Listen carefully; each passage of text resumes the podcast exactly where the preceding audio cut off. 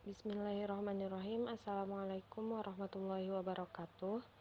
Alhamdulillah, alhamdulillahirabbil alamin. Assalatu wassalamu ala asrofil anbiya wal mursalin wa ala alihi wa sahbihi rasulillahi ajmain. Amma ba'du.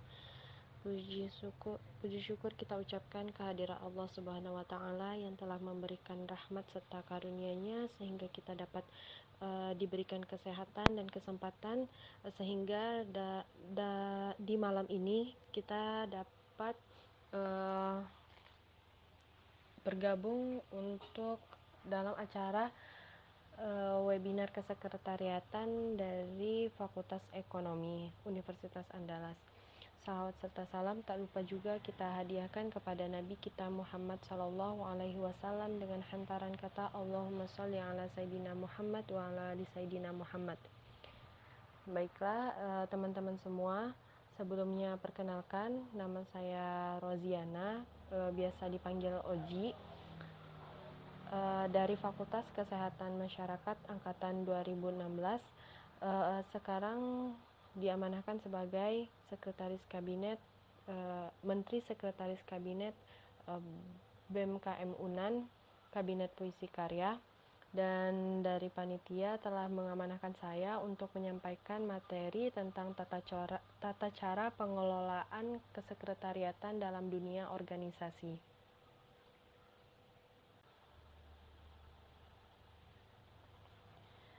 Berbicara tentang kesekretariatan, kita harus mengetahui terlebih dahulu konsep dari kesekretariatan. Uh, untuk berbicara tentang kesekretariatan, kita berbicara tiga konsep. Yang pertama itu sekretaris. Sekretaris dalam bahasa Latin memiliki arti rahasia.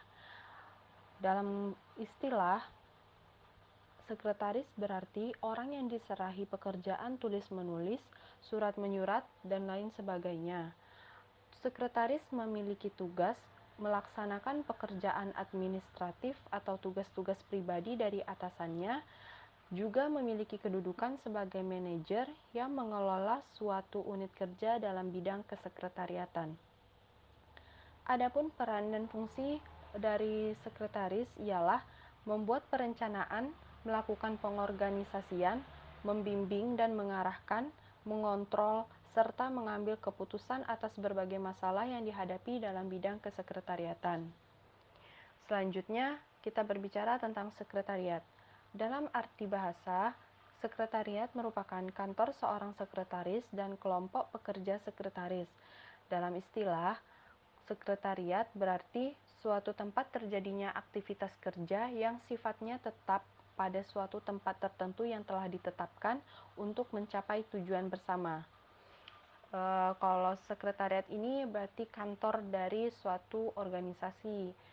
E, rasanya di KM Unan e, semua organisasi telah memiliki sekretariatnya masing-masing.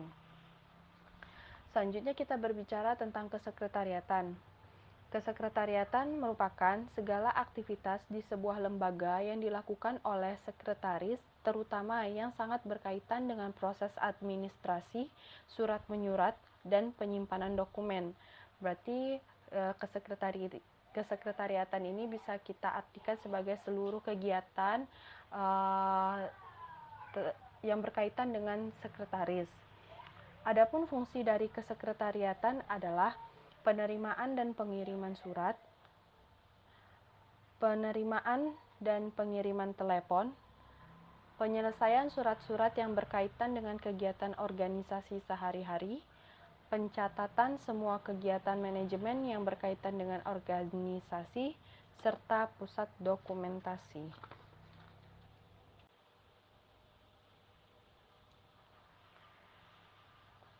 Kesekretariatan memiliki beberapa elemen, di antaranya yang pertama sumber daya manusia atau pengurus.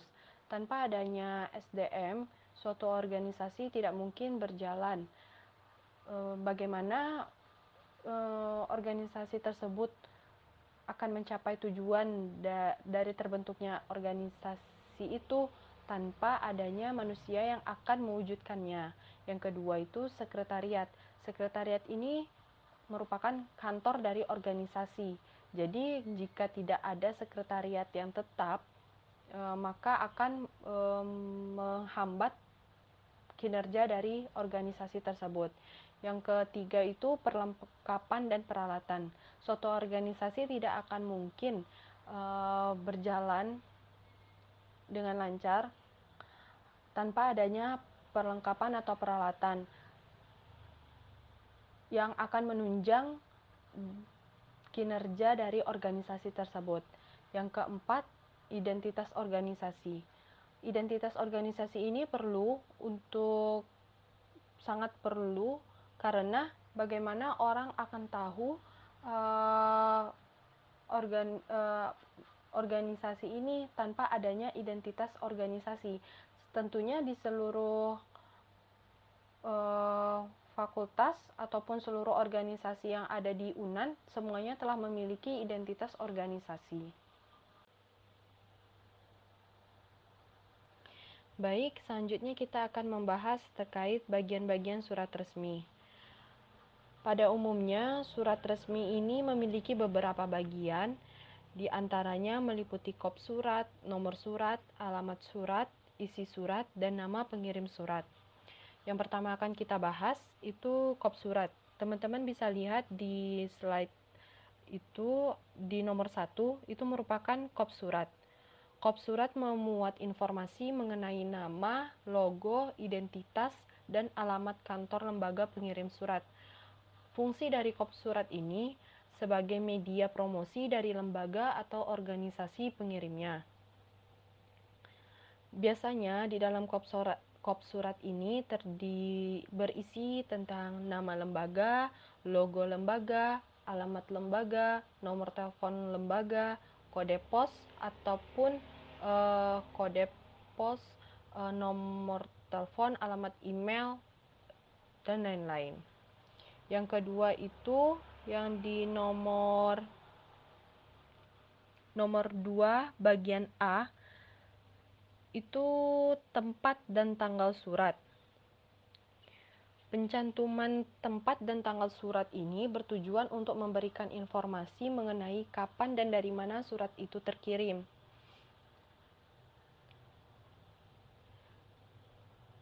Tempat surat Tempat surat kadang juga tidak dicantumkan kembali jika sudah ditulis di alamat instansi pada bagian kop surat, meski kadang juga dicantumkan kembali, sementara tanggal surat ditulis sesuai dengan waktu surat dikirim. Adapun cara penulisan terkait e, tempat dan tanggal surat di Indonesia biasanya dimulai dari kabupaten atau kota diikuti oleh tanggal, bulan, dan tahunnya kalau kita lihat di contoh dari surat itu oh di sini tidak di sini tidak mencantumkan nama tempatnya tapi hanya mencantumkan tanggal dari surat itu ketika dikirim. Jadi kalau misalnya nanti teman-teman mau membuat surat yang berisikan dengan tempat tang tempat tanggal surat e, bisa dicontoh Padang, koma, spasi 5 Juli 2019 atau 2020. Nah, selanjutnya kita lihat yang di nomor 2 bagian B. Yang nomor 2 bagian B itu adalah nomor surat. Dalam aturan resmi selalu ada nomor surat yang dicantumkan. Penomoran surat ini dilakukan oleh surat resmi yang dikirim oleh lembaga atau organisasi yang resmi dan terdaftar. Penggunaan surat e, biasanya meliputi nomor urut surat penulisan, e, kode surat, tanggal, bulan, dan tahun penulisan surat. Adapun e, fungsi dari nomor surat ini adalah untuk memudahkan pengaturan dan penyimpanan surat serta mengetahui jumlah surat yang dikeluarkan oleh sebuah organisasi. Yang ketiga, yang bagian nomor 2 bagian C itu adalah lampiran lampiran yang disertakan Pada beberapa surat juga terdapat lampiran yang disertakan. Bagian lampiran merupakan penjelas yang memberi informasi bahwa ada berkas atau dokumen lain yang disertakan dalam surat tersebut. Jika misal tidak terdapat berkas atau dokumen yang dilampirkan, maka bagian lampiran ditiadakan. Penulisan lampiran yang disertakan bisa disebutkan jumlah lembar, eksemplar, atau cukup jumlah berkasnya dengan bentuk huruf, tidak lebih dari 10, maka ditulis dalam bentuk angka. Sedangkan jika tidak ada lampiran biasa ditulis dengan tanda penghubung uh, atau tanda minus. Selanjutnya nomor 2 bagian D itu hal atau perihal. Nah, bagian fungsi dari bagian hal atau perihal ini adalah untuk memberi petunjuk pada pembaca tentang kepentingan dan isi pokok dalam surat tersebut. Singkatnya, hal atau perihal hampir sama dengan judul pada surat berjudul. Selanjutnya, eh, nomor 2 bagian E, alamat tujuan. Eh, alamat tujuan juga menjadi salah satu bagian surat, yaitu alamat yang dituju dalam pengiriman surat. Eh, pada alamat di bagian hmm, surat alamat ditulis uh, sebagian saja tidak selengkap ketika ditulis di sampul surat biasanya berbunyi uh, bapak atau ibu atau yang terhormat nah, dalam penulisan alamat surat tujuan, hal-hal yang harus diperhatikan antara lain bisa menggunakan kata yang terhormat untuk menghormati pihak yang dikirim surat bisa berupa atasan, rekan kerja, kolega, atau teman. Yang kedua, bisa menggunakan sebutan bapak atau ibu atau saudara yang diikuti oleh nama orang yang dituju. Yang ketiga, di akhir tiap baris tidak perlu diberikan tanda titik kecuali untuk singkatan. Yang keempat, dianjurkan menyertakan kode pos untuk memudahkan pengiriman surat pada yang dituju. Uh, jika kita lihat di contoh, ini yang terhormat Ivan Lanin MTI Eh, dan seterusnya sampai yang setia budi itu alamat dari tujuan surat. Nah, selanjutnya kita perhatikan nomor 2 bagian F. Nomor 2 bagian F ini uh, salam pembuka. Ya, salam pembuka. Bagi fungsi Fungsi dari salam pembuka adalah untuk membuka pembicaraan dalam surat sesuai adab sopan santun. Salam pembuka berisi sapaan-sapaan pada umumnya. Penulisan salam pembuka diawali dengan huruf kapital dan diakhiri dengan tanda koma. Kalau kita lihat di contoh surat ini, dengan hormat, D-nya huruf kapital, setelah hormat kita akhiri dengan tanda koma. Selanjutnya, eh, kita perhatikan nomor 3 bagian G. Nomor 3 bagian G ini merupakan bagian isi surat. Nomor oh ya. Nomor 3 bagian G, H, dan I itu merupakan bagian isi surat. Bagian G-nya adalah paragraf pembuka, Bagian H merupakan paragraf isi dan bagian I merupakan bagian paragraf penutup.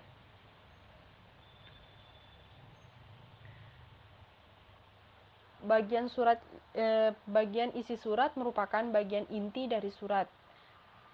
Eh, isi surat memuat apa saja yang perlu disampaikan dari pengirim kepada lembaga yang dituju, layaknya bentuk karangan pada umumnya isi surat terdiri dari tiga bagian, yakni bagian pembuka, bagian inti, dan bagian penutup.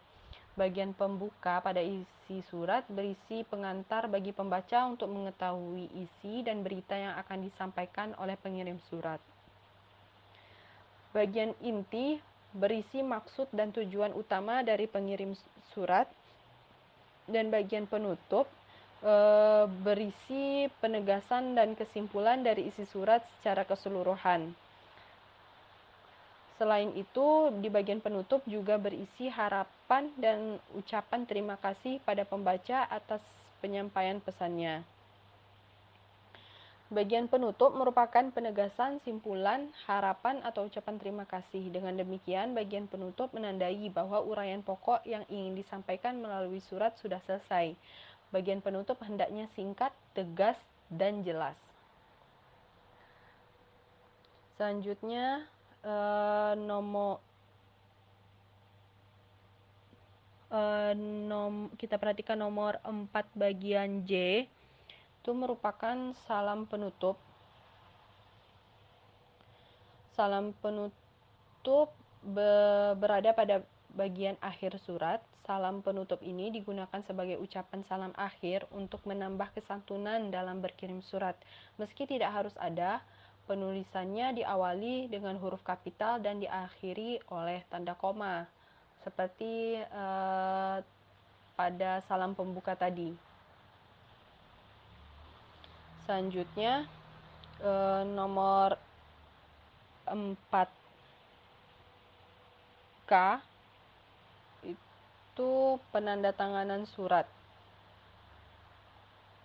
Penandatanganan surat ini eh, terdiri dari nama pengirim beserta tanda tangannya.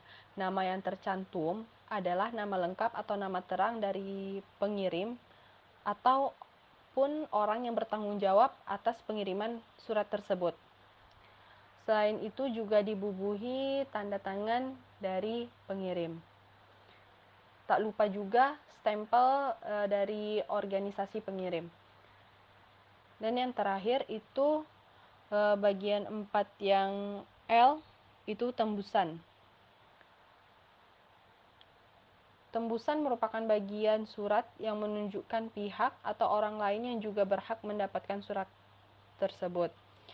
Meski begitu, tidak semua surat memiliki tembusan.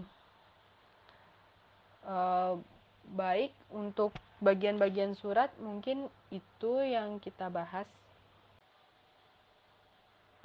Nah, selanjutnya kita akan membahas terkait pengarsipan surat.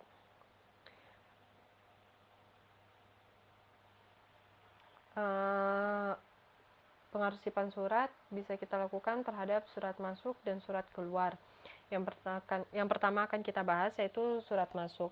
Adapun yang dimaksud dengan surat masuk adalah surat-surat yang diterima oleh suatu organisasi baik dari organisasi lain maupun dari perorangan. Adapun prosedur dalam penanganan surat masuk pada suatu organisasi secara umum akan meliputi uh, aktivitas-aktivitas seperti sebagai berikut. Yang pertama itu penerimaan surat. Semua surat masuk diterima dan dikumpulkan pada suatu bagian atau petugas tertentu. Biasanya orang yang menerima surat masuk ini adalah bagian uh, sekretaris ataupun bagian kesekretariatan. Nah, yang kedua itu surat-surat yang masuk tadi diberi tanggal penerimaan. Uh, uh, yang ketiga, selanjutnya pembukaan surat. Setelah surat-surat ini disortir, dibuk, eh, kemudian dibuka satu persatu sambil diteliti tentang kelengkapan-kelengkapan suratnya. Nah, yang keempat, pengagendaan surat masuk. Setiap surat masuk akan dicatat pada buku agenda masuk eh, pada buku agenda surat masuk. Adapun yang dicatat di dalam buku agenda surat masuk antara lain yang pertama itu nomor, yang kedua itu tanggal surat e, diterima, yang ketiga itu nomor surat, nomor surat dari pembuat surat, yang ke tiga ya. Yang ketiga itu yaitu tujuan surat. Jadi tujuan surat masuk itu ditujukan kepada siapa? Apakah kepada e, misalnya apakah kepada gubernur uh, BEM FE ataupun kepada bidang uh, kepada bidang kesekretariatan atau kepada uh, biro keuangan atau gimana. Nah, selanjutnya terkait keterangan. Jadi keterangan ini kesimpulan dari surat tadi. Uh, misalnya kalau surat yang diterima itu surat undangan, berarti dalam keterangan ini kita bisa tulis undangan sebagai tamu ataupun undangan sebagai peserta di dalam agenda ini. Nah, selanjutnya itu tanggal kegiatan. Tanggal kegiatan itu kita tulis uh, berdasarkan isi surat. Jadi kapan kegiatan tadi dilaksanakan. Nah, selanjutnya instansi lembaga, instansi atau lembaga penyelenggara. Nah, ini e, berarti surat e, apa? Pembuat surat tadi. Nama organisasi ataupun lembaga pembuat surat tadi. E, selanjutnya ketika sudah kita tulis pada buku uh, sur, ketika surat masuk tadi sudah kita tulis pada buku agenda surat masuk selanjutnya yaitu pengklasifikasian surat. Jadi surat-surat tadi itu diklasifikasikan menurut jenisnya dan tingkat kepentingannya. Jadi apakah surat uh, itu termasuk surat rahasia ataupun surat pribadi ataupun surat dinas yang harus segera ditanggapi. Nah, yang ke enam yaitu pendistribusian surat. Aktivitas eh, pendistribusian surat ini maksudnya adalah menyampaikan surat-surat tadi, surat-surat yang kita terima tadi ke alamat yang dituju. Misalnya eh, surat yang masuk tadi ditujukan kepada gubernur, berarti pendistribusian surat ini maksudnya Eh, bagian kesekretariatan menyerahkan surat tadi ke gubernur untuk dibaca oleh gubernur.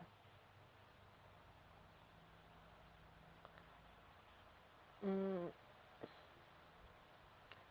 Nah, mungkin itu uh, prosedur yang akan kita yang akan kita lakukan ketika melakukan pengarsipan surat masuk. Nah, selanjutnya itu pengarsipan surat keluar. Uh, dalam menangani surat keluar biasanya akan terdiri dari aktivitas-aktivitas sebagai berikut. Yang pertama itu pembuatan konsep. Uh, kegiatan pertama yang kita lakukan ketika uh, membuat surat keluar adalah pembuatan konsep. Maksudnya adalah uh, kita harus mengetahui tujuan pembuatan surat itu apa.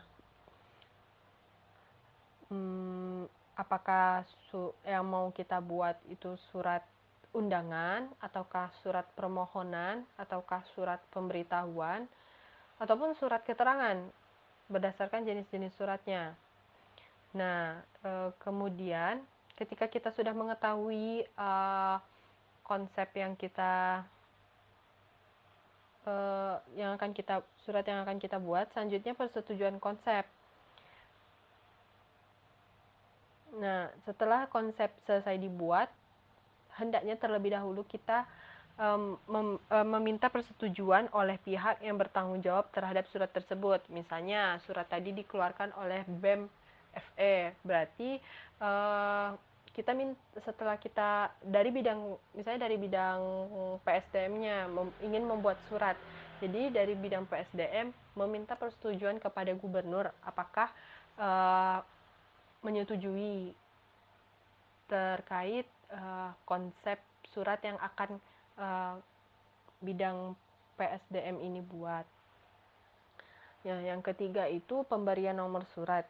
Setelah konsep surat tadi disetujui, Eh, konsep tersebut akan dilengkapi atau diberi nomor surat.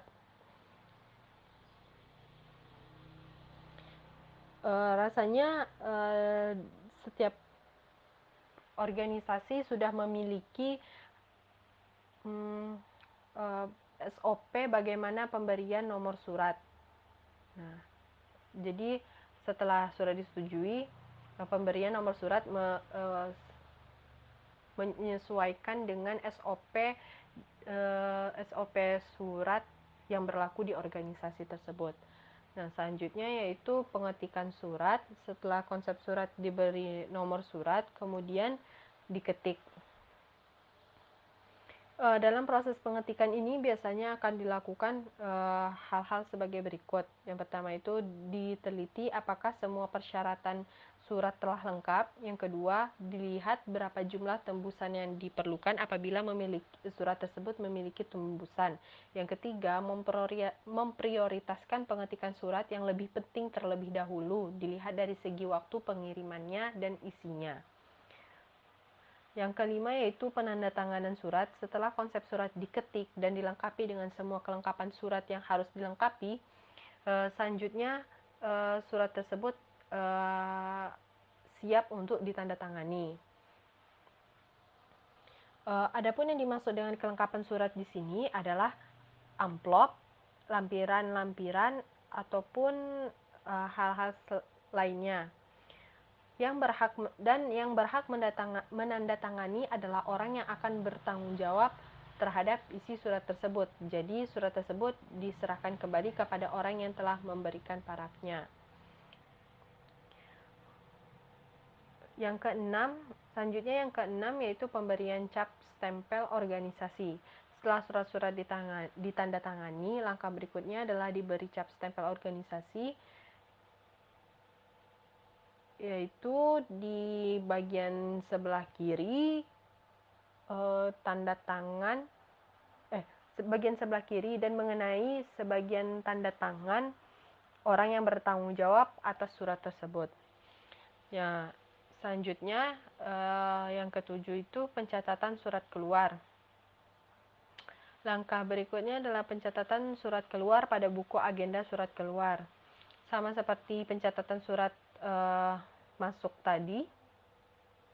Adapun eh, yang perlu dicatat di buku agenda surat keluar yaitu tanggal tanggal pembuatan surat, nomor surat keluar, tujuan surat itu, keterangan isi dari surat keluar itu terus tuh apabila surat itu berbentuk kegiatan maka kapan kegiatan tersebut dilakukan dan selanjutnya instansi atau lembaga e, tujuan surat.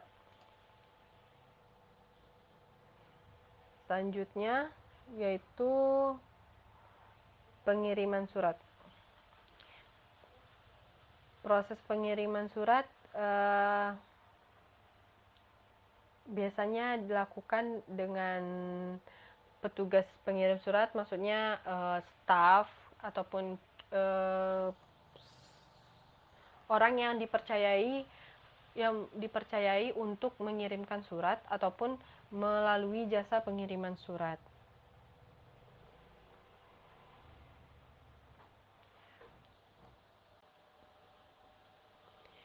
Selanjutnya kita akan membahas bagaimana strategi untuk mengefisiensi pengelolaan inventaris organisasi. Hmm.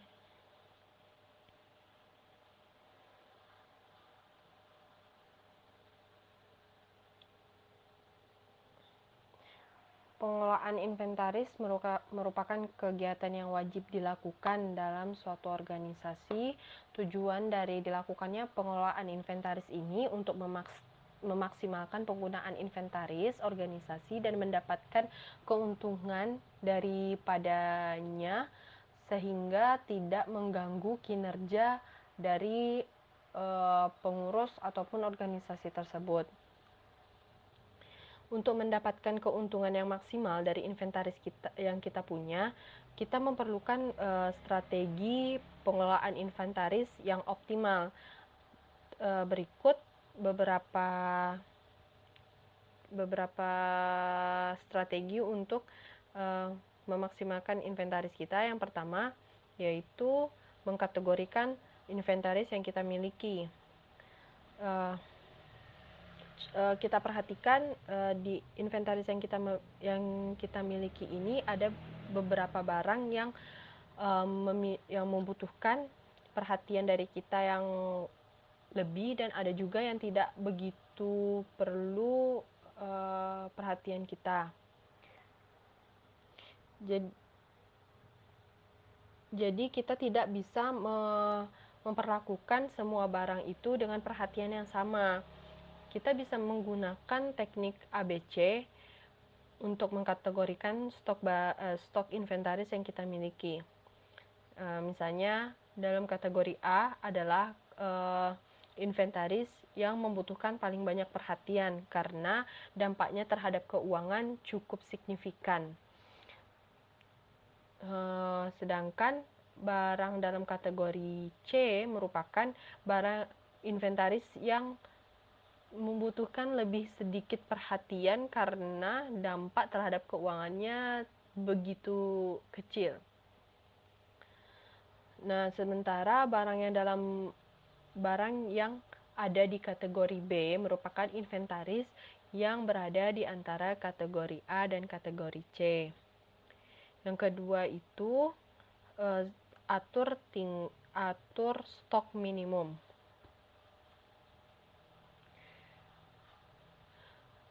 Uh, hendaknya kita um, membuat pengontrolan inventaris sehingga kita menjadi lebih mudah untuk mengatur tingkat stok minimum untuk setiap inventaris yang kita punya. Ini akan memudahkan kita dalam melakukan restock inventaris uh, bagi inventaris yang uh, rasanya bisa diisi ulang seperti tinta printer, ATK, kertas-kertas, dan lain sebagainya. Tingkat stok minimum ini bisa kita tentukan berdasarkan seberapa cepat barang itu habis digunakan dan seberapa lama uh, inventaris itu kita butuhkan. Selanjutnya, strategi yang ketiga yaitu menyimpan inventaris dengan baik. Salah satu penyebab kerusakan inventaris adalah tempat penyimpanan yang tidak sesuai belum lagi ketika memper, e, ketika pengambilan barang yang sulit. Oleh karena itu, penting bagi kita untuk menyediakan tempat penyimpanan yang layak bagi inventaris yang kita punya. Pastikan suhu dalam tempat penyimpanan e, sesuai dengan barang-barang yang kita miliki. E, apabila tempat penyimpanan inventaris itu berada di dalam rak, pastikan di dalam rak itu tidak ada rayap yang sehingga nanti dapat merusak barang-barang yang kita punya. Yang keempat, kita bisa mengimplementasikan teknik FIFO dan teknik FEFO. Untuk mengurangi resiko kerusakan, eh, kita bisa menggunakan teknik FIFO yaitu first in first out ataupun teknik FEFO first expired first out. FIFO ini berarti kita memprioritaskan barang-barang yang paling awal masuk uh, untuk dikeluarkan terlebih dahulu, untuk digunakan terlebih dahulu. Sementara teknik FEFO merupakan uh, memprioritaskan inventaris yang paling cepat kadaluarsa terlebih dahulu untuk digunakan. Selain untuk mengurangi kemubaziran, teknik ini juga dapat membantu mengoptimalkan inventaris uh, turnover yang pada akhirnya membantu meningkatkan kinerja ataupun meningkatkan uh, pendapatan yang kita punya.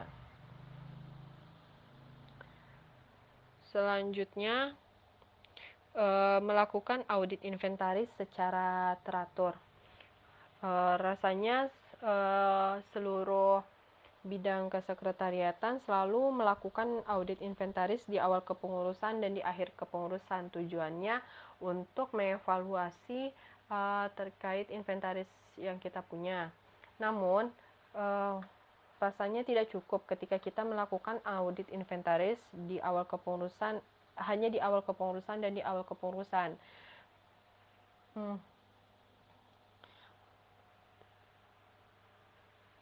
Um, kita bisa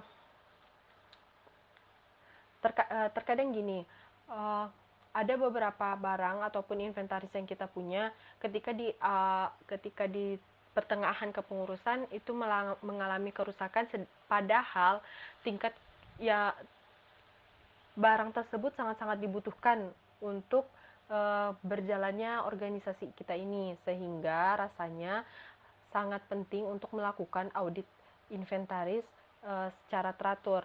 Kita bisa melakukan audit inventaris uh, minimal dua kali sebulan, sebulan sebul eh, dua bulan sekali atau tiga bulan sekali, empat uh, bulan sekali, pokoknya secara teratur sehingga kita bisa memaksimalkan dan mengoptimalkan inventaris yang kita punya. Selanjutnya kita akan membahas tentang absensi pengurus. Nah, eh, kita harus tahu dulu absensi pengurus itu apa. Jadi, absensi pengurus merupakan sebuah data yang menunjukkan tentang kehadiran pengurus setiap harinya dalam sebuah organisasi atau sekretariat. Uh, da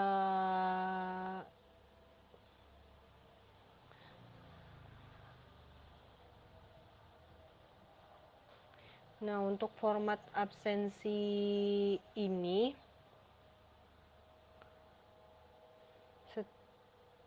memiliki ciri khas atau format tertentu sesuai dengan uh, kebijakan dari organisasinya masing-masing.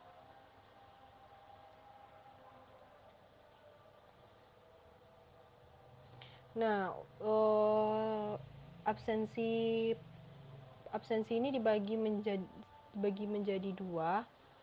Yang pertama itu ada absensi pengurus manual dan absensi pengurus online. Absensi pengurus manual ini menggunakan metode konvensional yaitu kertas dan alat tulis. Peralatannya sangat sederhana dan mudah sekali ditemukan. Uh, sistem absensi ini tidak bergantung kepada teknologi atau tidak membutuhkan internet sama sekali. Setiap hari pengurus bisa menggunakan absensi ini biasanya di sebuah meja absen yang sudah disiapkan e, lembaran kertas absen dan alat tulisnya. Jadi biasanya pengurus tinggal mencantumkan tanda tangan pada kertas tersebut.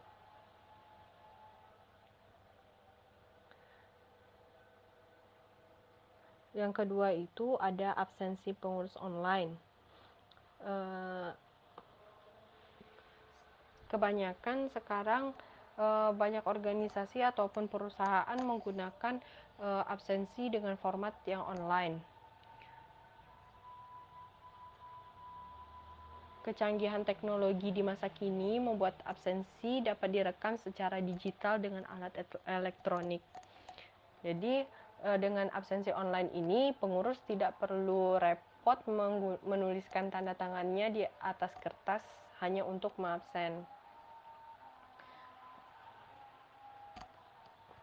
Uh,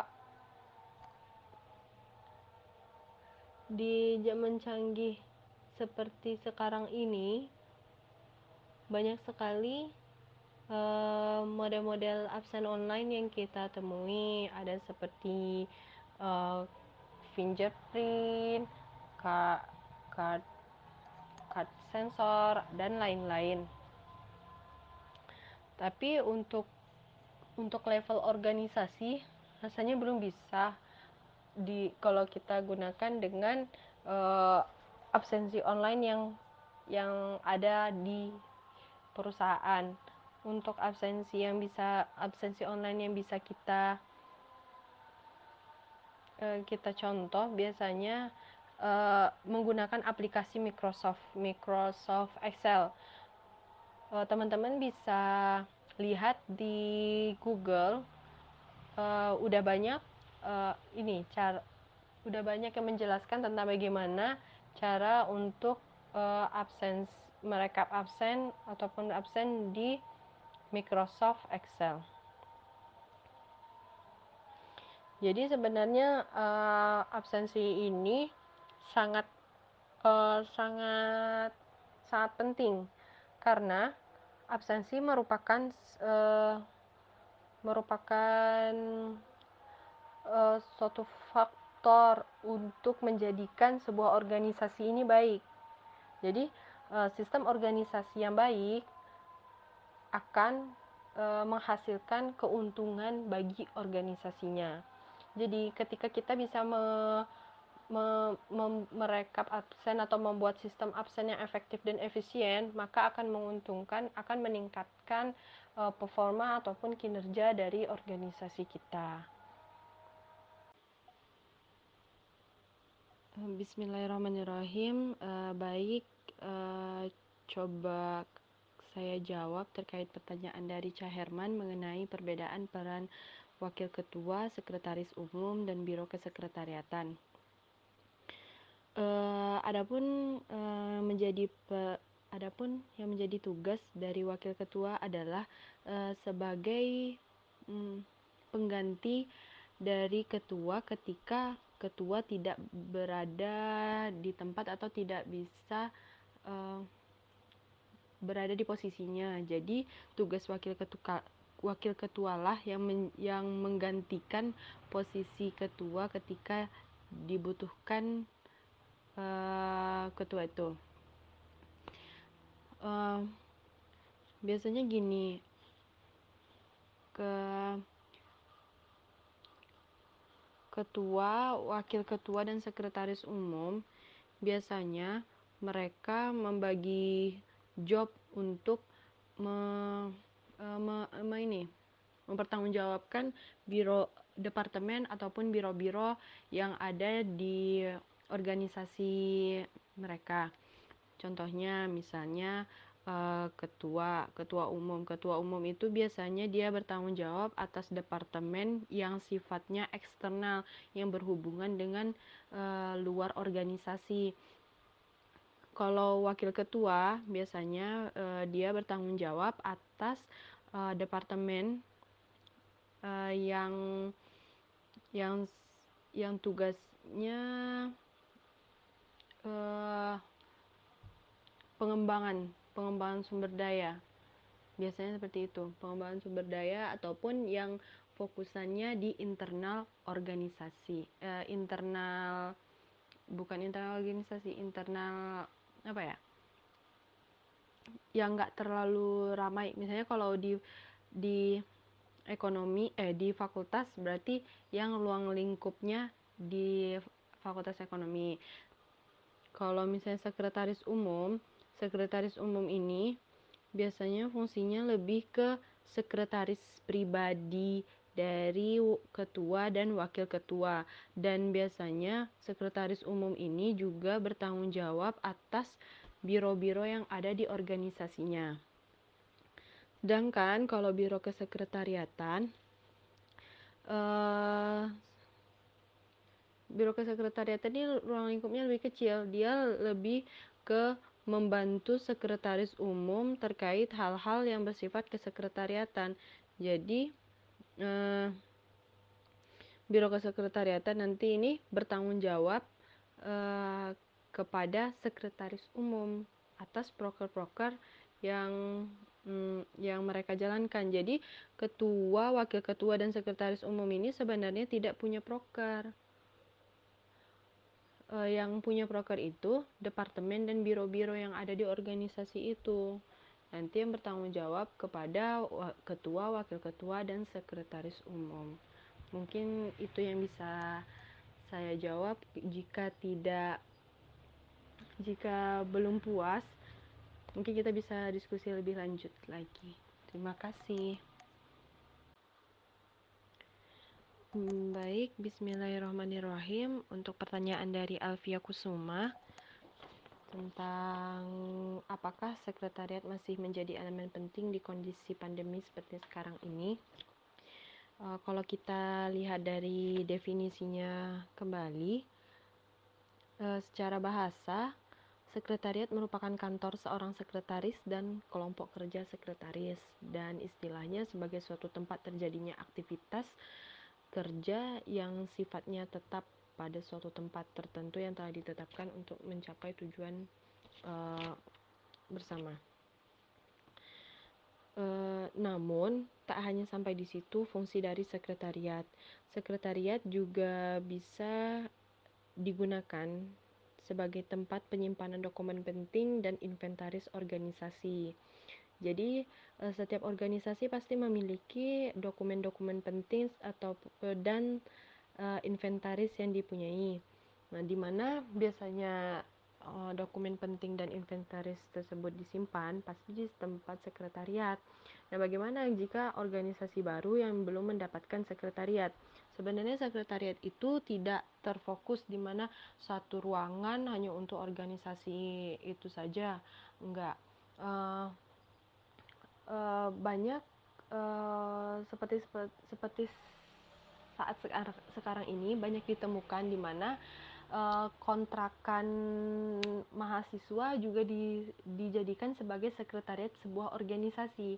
Jadi sekretariat sekretariat itu kita bisa gunakan dengan kemampuan apa yang kita punya seperti itu.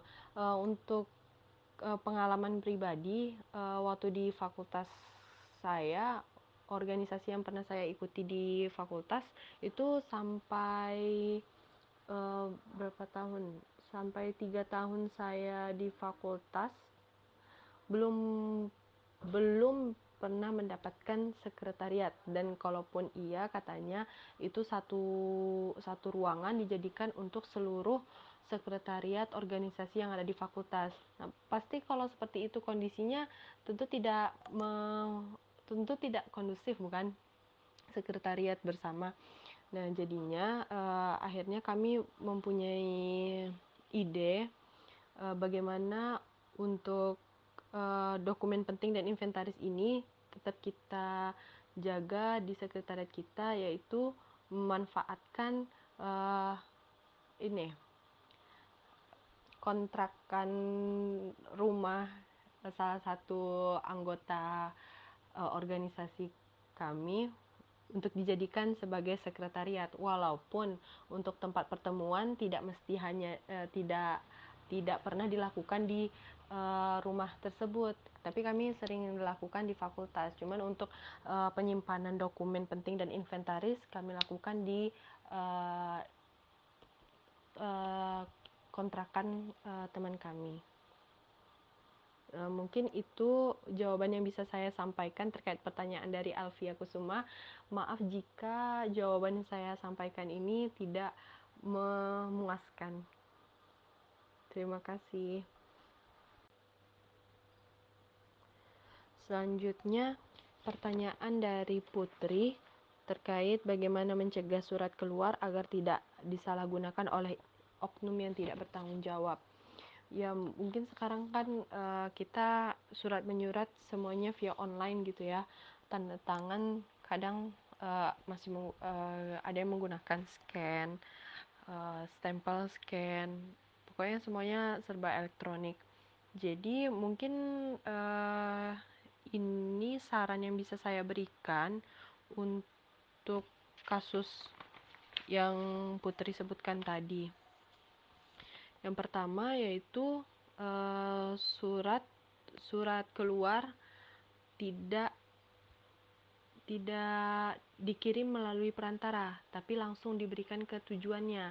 Misalnya kayak uh, panitia kesekretariatannya ini uh, yang mengirimkan surat ke saya ini langsung dari Anissa yang sebagai uh, ketua dari biro kesekretariatannya.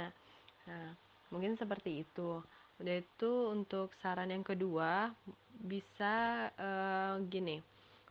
Surat keluar hanya bisa dikeluarkan oleh kesekret bagi, uh, oleh biro kesekretariatan dan sekretaris umum. Jadi uh, semua semua departemen ataupun semua biro uh, tidak bisa mengeluarkan surat uh, surat keluar sendiri tapi harus melalui biro kesekretariatannya ini mungkin itu uh, saran yang bisa saya uh, sampaikan uh, apabila masih mau, belum memuaskan saya minta maaf mungkin bisa jadi pelajaran bagi saya untuk ke depannya.